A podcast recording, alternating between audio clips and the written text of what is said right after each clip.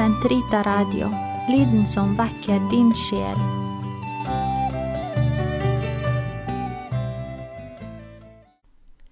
Karmels hage episode 30 Troens glede ved broder Wilfrid Stinelsen Første del Kjære lytter Kristendommen favner så uendelig vidt. Som vi var inne på i forrige episode, er offer og lidelse også ingredienser i et kristent liv. Men, og her vil jeg legge trykk på men, lidelse og offer i rigid, gledesløs askese er ikke etter Kristi hjerte. Det er den glade giver han ser etter. Et offer som overskrider det monn av kjærlighet og glede som Gud har kunnet fylle i et menneske, vil kun lede til enten depresjon eller hovmod. Derfor kommer bønnen, det kjærlige, gledesfylte fellesskap med Kristus først. I dag vil jeg derfor gi dere første av tre episoder der jeg leser fra en artikkel av broder Wilfrid Stinesen, som heter Troens glede. Den ble trykket på svensk i tidsskriftet Karmel i år 2000, og oversatt til norsk og trykket gjennom tre nummer i de norske legkamelittenes tidsskrift som heter Ved Elias kilde, og det var i 2014 og 2015. Om du etter dette programmet vil høre mer om den kristne gleden, kan jeg anbefale en repetisjon av episode 13 i Karmels hage, som heter nettopp Gleden. Vi ber sammen, Veni Sancte Spiritus. Kom, O Hellige Ånd, hit ned, lysets stråle til oss led, fra din høye helligdom. Far fra slekt så arm og ring, gode gavers giver bring, lys i våre hjerters rom. Du som vet å trøste best, sjelens venn og milde gjest, svale tilflukts åpne dør, hvile for hver tynget mann, kjøling under solens brann, lindring når vårt hjerte blør. Salighetens lys, treng inn, fyll til dypets bunn hvert sinn, som i tro mot deg er vendt.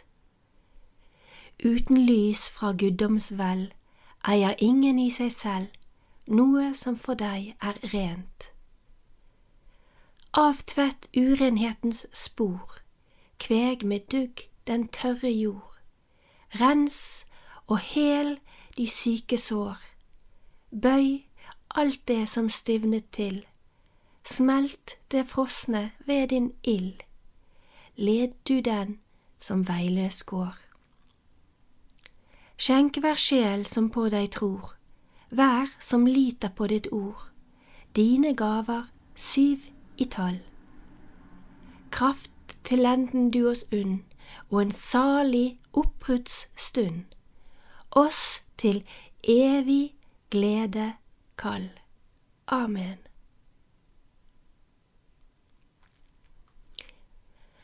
Troens glede, del én av broder Wilfrid Stinesen.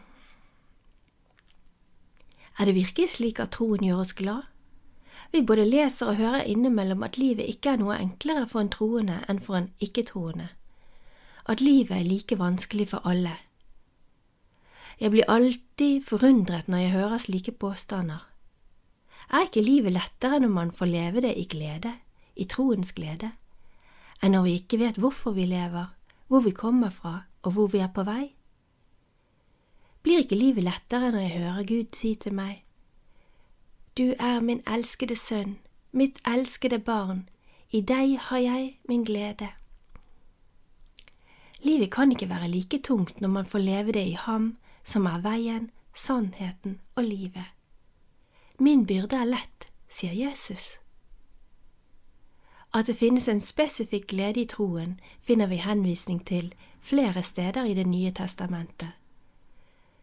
Blant evangelistene er det særlig Lukas som ønsker å gjøre oss mottagelige for den glede som kommer av troen. Allerede før Jesus blir født, sparker barnet i Elisabeths mage av fryd, og Maria jubler over Gud sin frelser. Se, jeg forkynner dere en stor glede, en glede for hele folket, sier engelen til hyrdene når Jesus blir født. Disiplene oppfordres til å glede seg over at deres navn er oppskrevet i himmelen, og Jesus selv fylles med jublende glede når han ser hvordan Faderen har åpenbart sine hemmeligheter for de små.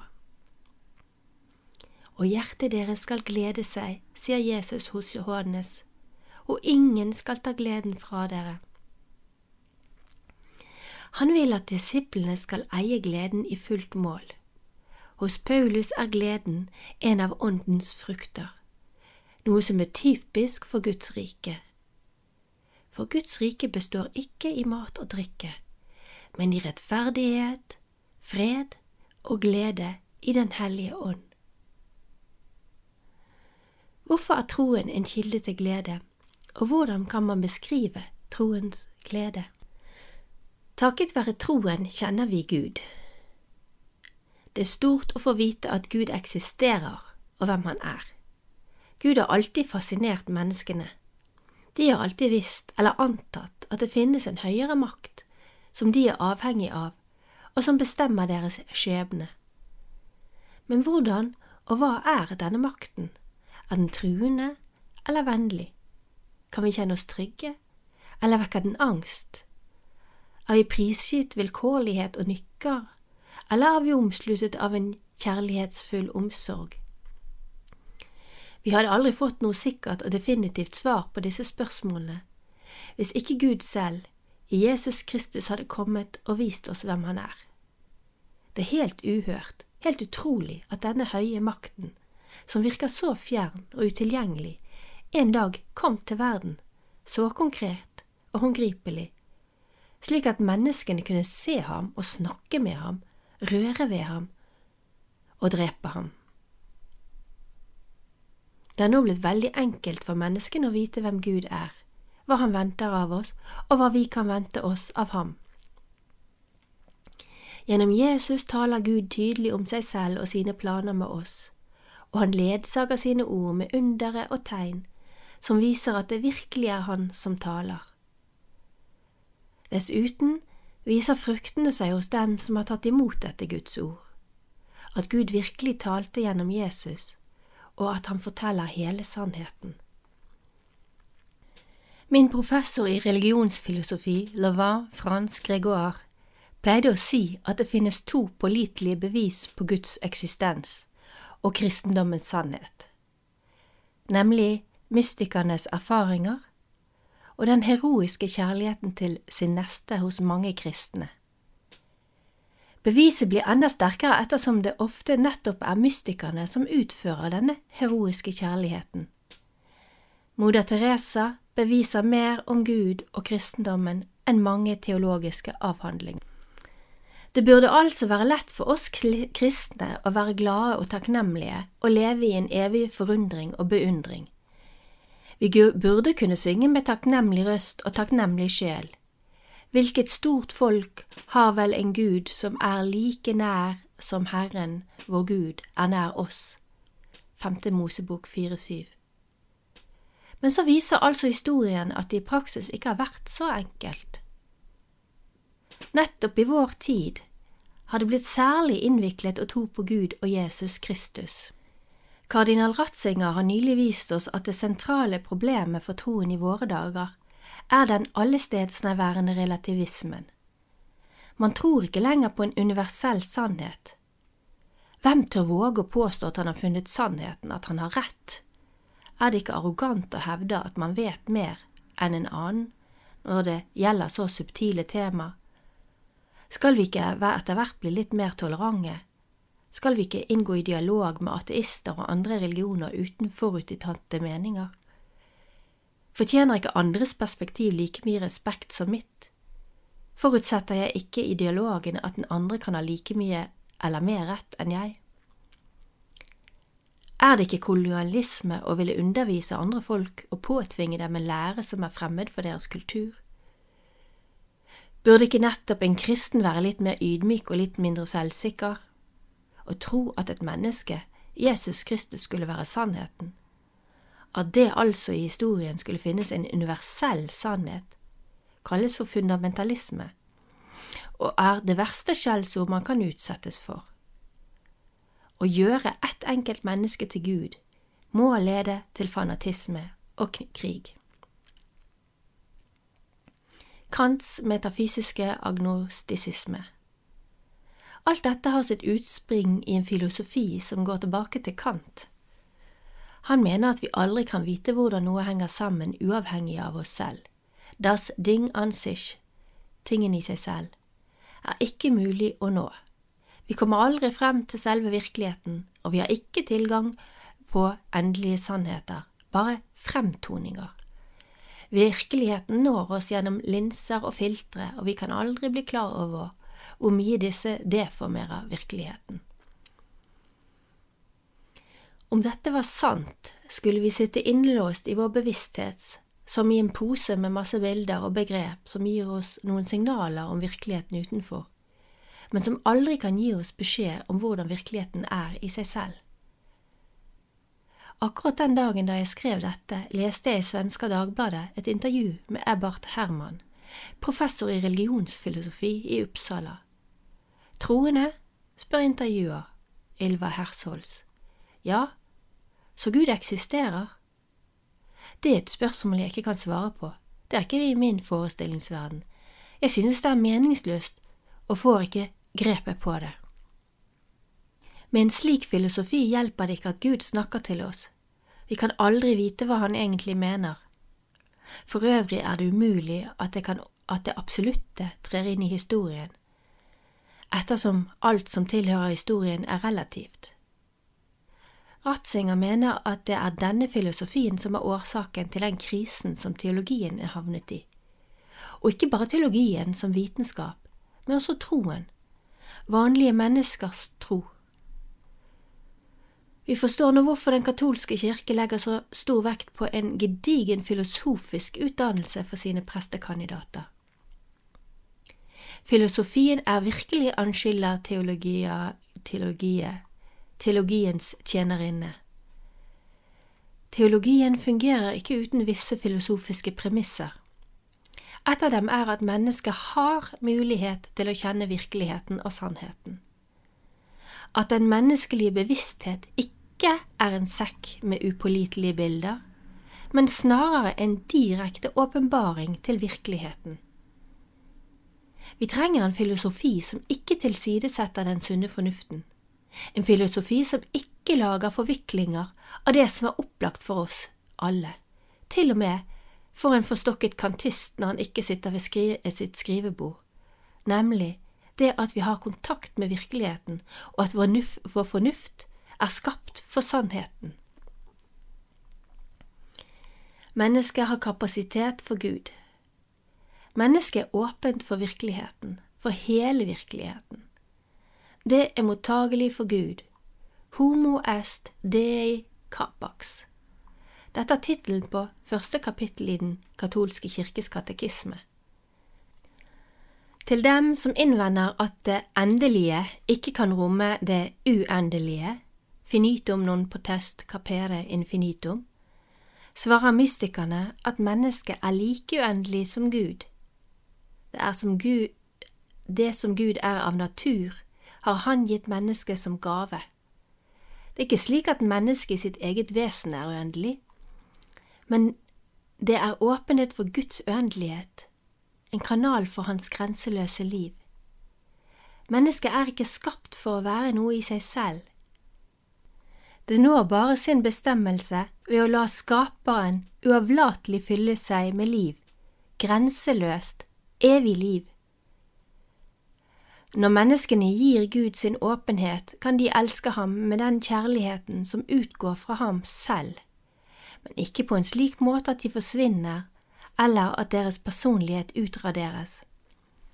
Gjennom sin åpenhet for Gud får mennesket nettopp sin spesifikke karakter. Hvert eneste menneske er et absolutt unikt utformet kar, som tar imot Guds uendelighet på en måte som ikke ligner noen annens måte. Ifølge Johannes av Korset har sjelen en uendelig kapasitet. Temaet menneskets uendelige storhet og derav mulighet for en gjensidig kjærlighet mellom likeverdige var allerede en selvfølgelig sannhet i all ekte mystikk mot slutten av middelalderen. Vi kan altså kjenne Gud, og det er stort. For å lære å kjenne Gud må vi altså ikke fornekte vårt intellekt. I motsetning til Karl som anser troen som et paradoks som øver vold på fornuften, sier katolsk teologi, teologi at troen og fornuften er gode venner som ikke krangler i det hele tatt, men som tvert imot elsker hverandre. Fornuften er rettet mot og åpen for sannheten, og derfor er den takknemlig når du, Gud kommer den i møte med sin sannhet. Fornuften når sine høyder når den får vite noe om Gud. Jeg tror for å forstå, sier Augustin, og jeg forstår for å tro bedre. I en tid som preges av metafysisk agnostisisme, er det viktig å betone at de sentrale begrep som vi kjenner Gud gjennom, ikke bare er metroforer eller bilder, men korrekte analogier som stemmer med virkeligheten. Ordene Fader, Sønn er ikke tomme tegn, men sier noe vesentlig om Gud. Å si at Gud er større enn alt hva vi kan tenke, er ganske uinteressant om vi ikke først har tenkt. Med via negativa kommer man ikke langt om man ikke først har gått via positiva. Om jeg ikke først har tatt imot og forsøkt å forstå alt det som Gud sier om seg selv, kommer jeg aldri til å vite hva Hans alltid større storhet består i.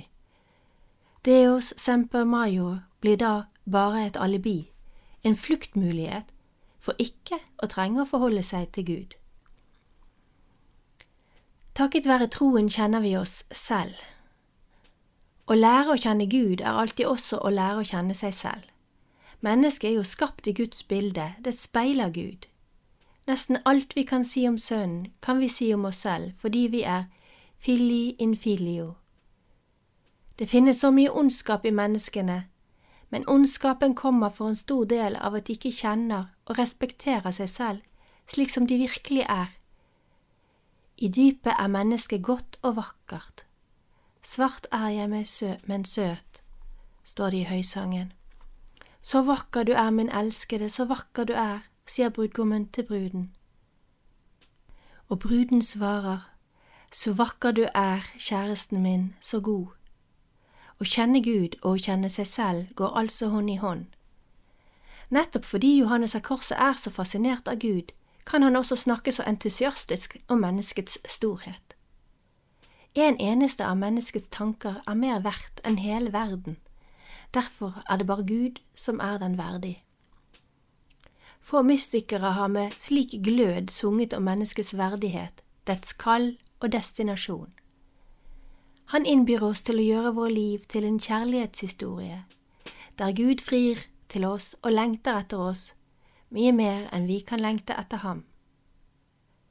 Man skal vite at om sjelen søker Gud, så søker hennes elskede henne mye mer. Så snart vi takket være troen får vite noe om Gud, får vi også vite noe om hva som er meningen med våre liv, og denne meningen overgår alt hva vi kan drømme om. Vi får snakke med Gud slik som to elskede snakker med hverandre. Jeg er din, og du er min, alt mitt er ditt, og det, er, det som er ditt, er mitt. Vi kan få si, min kjæreste er min, og jeg er hans. Om dette ikke gir oss glede, så er det fordi vi ikke helt tror på det. Augustin snakker om delactation victoris, den seirende nytelsen. Om jeg går tilstrekkelig dypt inn i meg selv, møter jeg der Den hellige treenighet, som innbyr meg til å innta den ledige plassen ved bordet. Dette møtet er en slik glede at alle andre gleder, og i særdeleshet den syndige nytelsen, blekner fullstendig. Man kan aldri overvinne nytelsen med plikt, mener Augustin. Man kan bare overvinne nytelse med nytelse, en guddommelig nytelse, en delaktation som er Victrix, som alltid seirer. Troen gjør livet nytbart, fordi troen ser den innerste sannheten om alt. Troens innhold og troens hengivelse. Når vi snakker om troen, bruker vi gjerne å skille mellom fides quae og fides qua. Fides quae er trosinnholdet, depositum fidei, troens hellige arv, slik vi finner den i tradisjonen og Skriften, og som gjennom apostlene har blitt betrodd Kirken, slik det står i Katekismen punkt 84. Fides qua er menneskets personlige ja-ord til Gud og tilslutning til alle sannheter, som han valgte å åpenbare. Katekismen punkt 150. Dette kan lett tolkes som om det dreier seg om å ta imot en pakke med sannheter og forsøke å si ja til disse. Men i praksis dreier troen seg om et møte med Gud. Vi tror jo ikke på formuleringer, men på den virkelighet de uttrykker, og som troen gjør oss i stand til å røre ved. Katekismen 170. Og disse realitetene er alltid på en eller annen måte Gud. Vi skal ikke tro på noe, noen annen enn Gud, Fader, Sønn og Helligånd. Katekismen 178. Troen er en teologal dyd, det vil si at den gir oss mulighet til å nå Gud direkte. Den er som en pil, en kjærlighetspil som man skyter mot Gud. Troen er hele menneskets personlige ja til Gud som åpenbarer seg, og tro er derfor dobbeltsidig vi tror på personen og på sannheten, på sannheten av tiltro til den personen som går god for den. Katekismen 176–177 Så forstår vi også at vi ikke kan skille troen fra håpet og kjærligheten. Karl Rana har vist at den skolastiske teologiens altfor firkantede distinksjon mellom disse tre, en distinksjon som så å si har blitt til en separasjon, har gjort det unødvendig vanskelig å forstå Luthers sola fidei-lære. Ekte tro henger alltid sammen med kjærlighet, og tro er jo å overgi seg. Johannes av Korset forutsetter allerede ved begynnelsen på den åndelige veien en tro som er fylt av kjærlighet. Ved å grunne på og stadig komme tilbake til disse mysterier og troshemmeligheter, vil sjelen fortjene at kjærligheten avslører den, det troen omfatter, det vil si brudgommen, som den lengter etter i dette livet.